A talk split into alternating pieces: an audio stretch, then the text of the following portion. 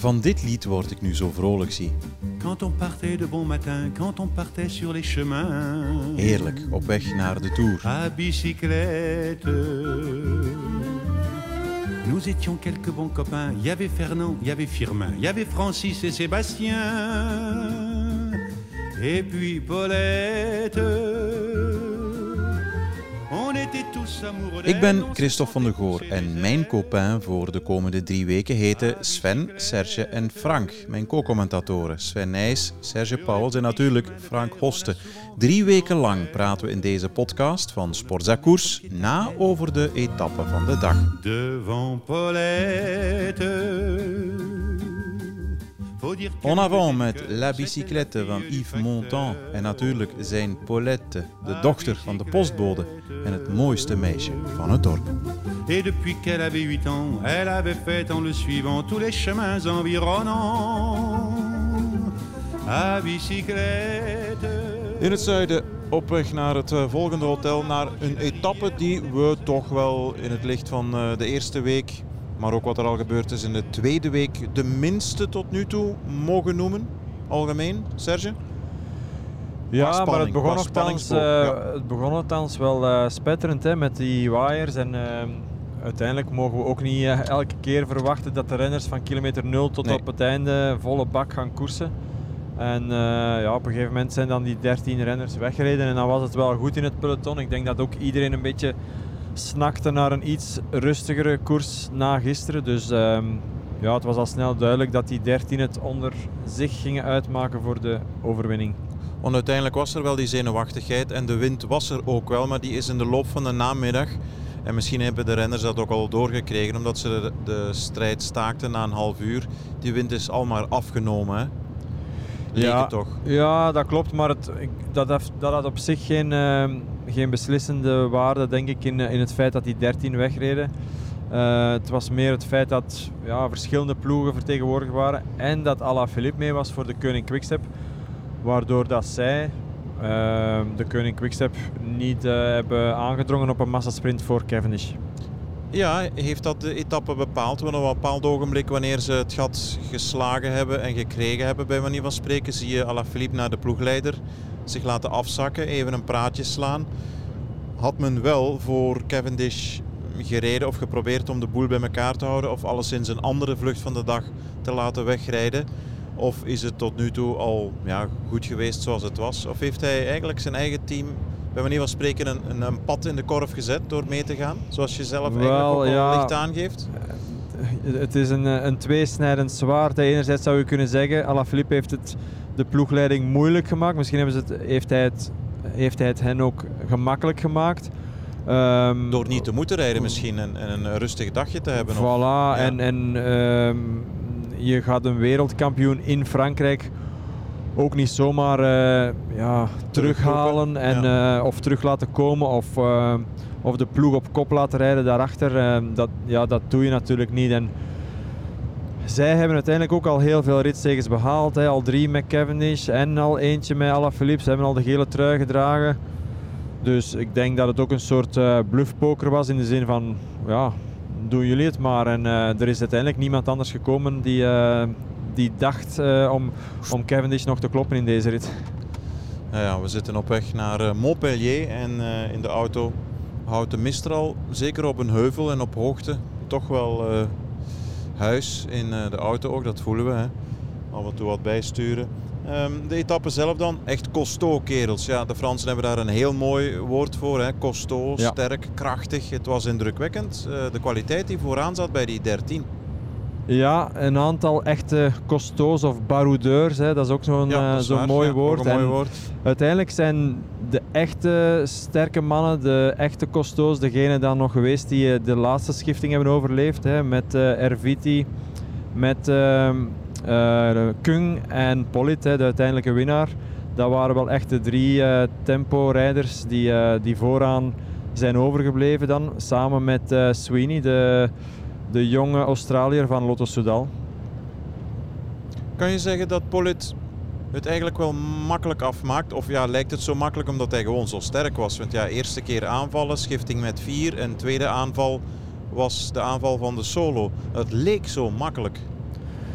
in elk geval, uh, Laat het mij anders stellen, er is niet slag om slinger gedemareerd. Het is geen steekspel geworden, wat, wat we toch een beetje verwacht hadden met die 13. Hè? Want je hebt op voorhand ook in de radio-uitzending gezegd van ja, het wordt straks toch gokken, uh, inschatten, misschien een loterij. Dat hebben we uiteindelijk niet gekregen. Nee, dat klopt. En uh, dat, heeft vooral, dat heeft er vooral mee te maken dat uh, Polit zijn eigen sterkte ook kende. En daarom er ook al heel vroeg voor koos om, om aan te vallen op 50 kilometer van de meet.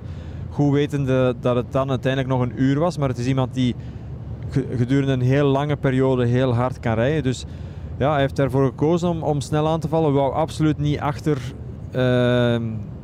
achter die uh, schifting zitten op het moment. Uh, achter de feiten aanvallen eigenlijk. Ja, ja klopt. Um, want dat krijg je altijd hè, in zo'n uh, in zo'n steekspel en in, in dat gegok en dat gepoker.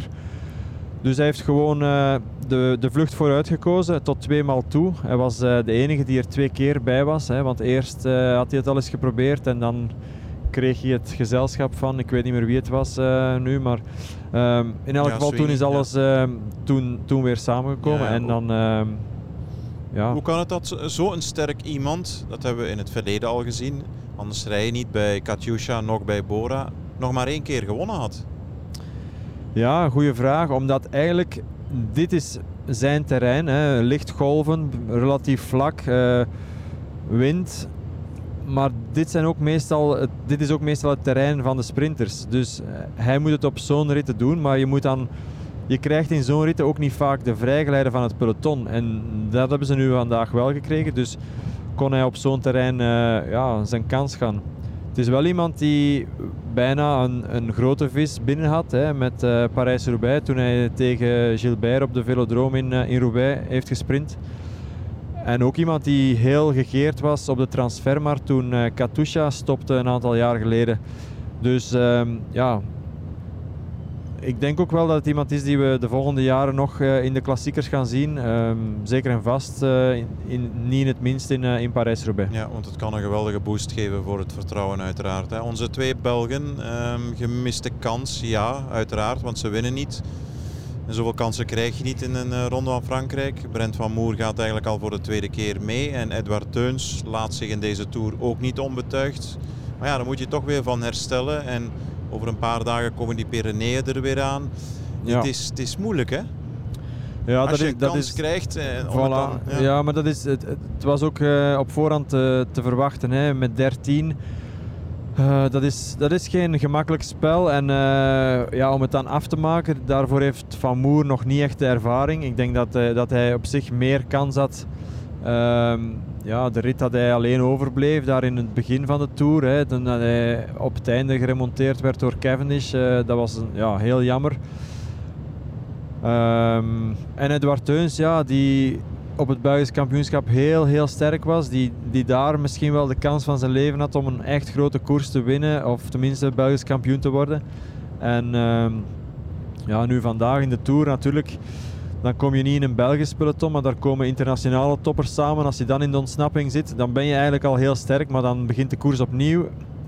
En dan uh, moet je het opnemen tegen 12 andere toppers. En dan is het niet evident om het af te maken. Ja, Twee kleine dingetjes. Het peloton komt binnen. We zien ja, Jasper Philipsen. Mogen we spreken van misbaar richting Jonas Ricard.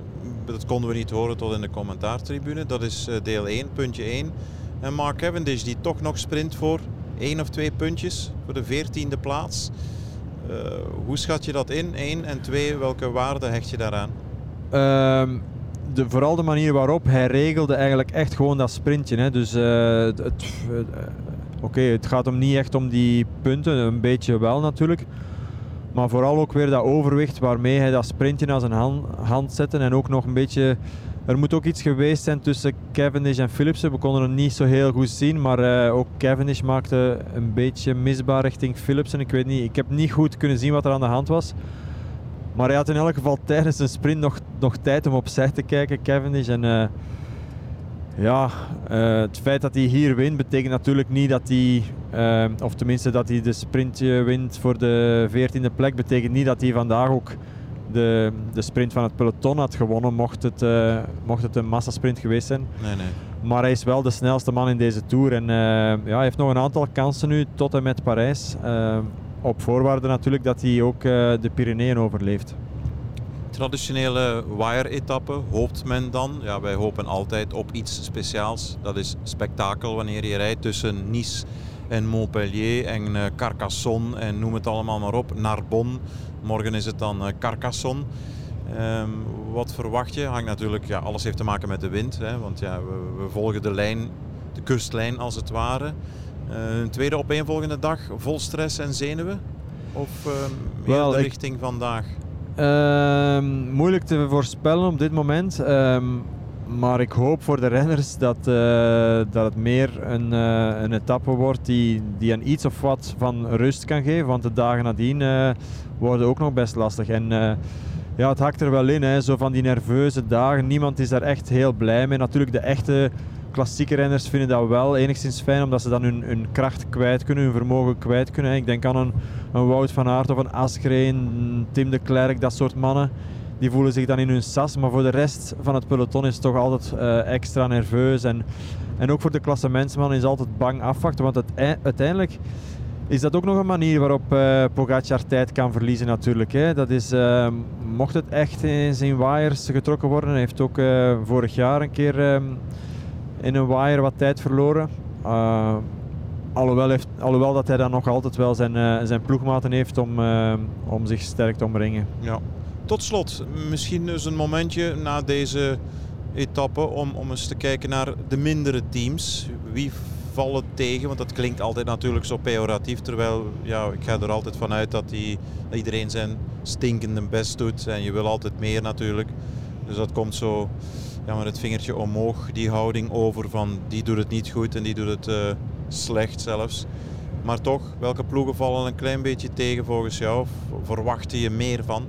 Ja, en dan moet je altijd even gaan denken, want natuurlijk die ploegen komen dan ook niet zo vaak in beeld. En dan, uh, dan vergeet je soms dat ze in de Tour ook zitten. Hè. Uh, denk bijvoorbeeld aan een, uh, een, ploeg zoals Arkea, die wel met Bouhani al een aantal keer voorin hebben gefinished. Maar die, die we voor de rest, en vandaag Connor Swift die mee was in de ontsnapping, die we nog niet zo heel veel gezien hebben. Quintana wel een beetje nog. Ja, klopt. Ja, dat, dat, voilà, dan ben ik dan, dat ja. ben ik dan weer vergeten. Maar bijvoorbeeld een... Uh... Ik denk, uh, ja, team DSM, matig. Ja. Intermarché, Hilaire van der Schuren, matig. Ja, minder in beeld ja. geweest dan uh, de voorbije jaren, toen ze vaak in de lange ontsnapping zaten. Maar dat was dan ook een ontsnapping waar de renners mochten voorop rijden, bij wijze van spreken. Ja. Hè, waar er niet echt een gevecht was om... Uh, Voor de publiciteit, hè, laten we eerlijk zijn. Ja. Dus, uh, en die ritten hebben we eigenlijk nog maar weinig gehad. Hè. Tosh van der Zande heeft... Een keer voorop gereden op een relatief goedkope manier. Um, tenminste, het wegraken was, was toen niet echt heel moeilijk.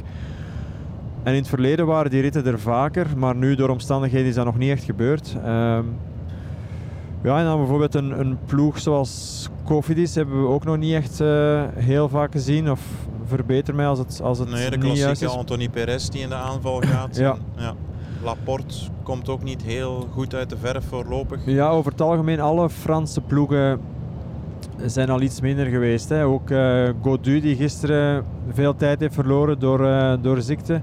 Um, de vervangkopman van Thibaut Pinot, maar hij heeft heel veel tijd verloren.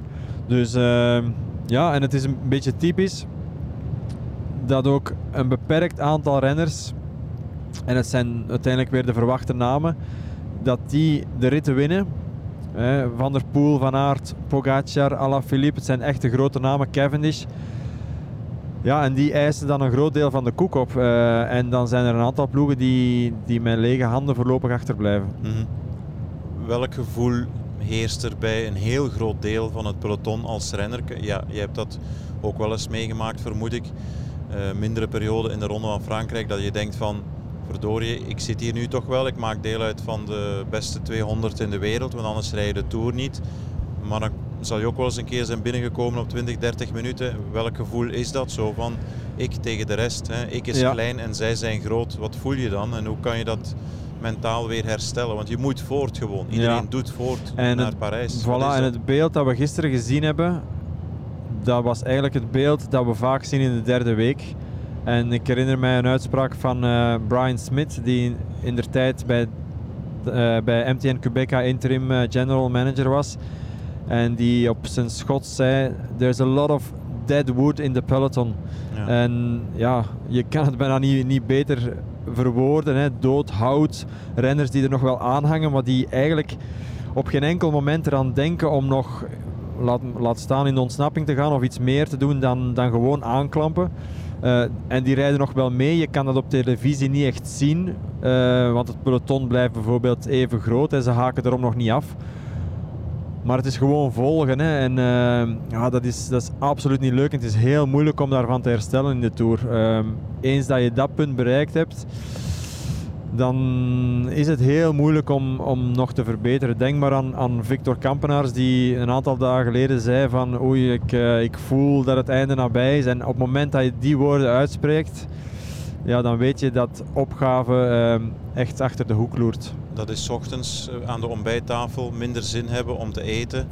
Dat is uh, even de trap op moeten en die pijn voelen in de benen, dat soort dingen. Ik heb, ik heb om een voorbeeld te noemen, heb ik ooit uh, de Vuelta gereden samen met Zdeněk Stibar bij Omega Pharma Quickstep. Ik denk dat het 2013 was of 2012. En in de derde week was er een moment dat uh, Stibar s'avonds aan tafel nog een uh, kommetje pasta meenam naar de kamer, omdat hij eigenlijk tijdens het avondmaal niet echt veel honger had.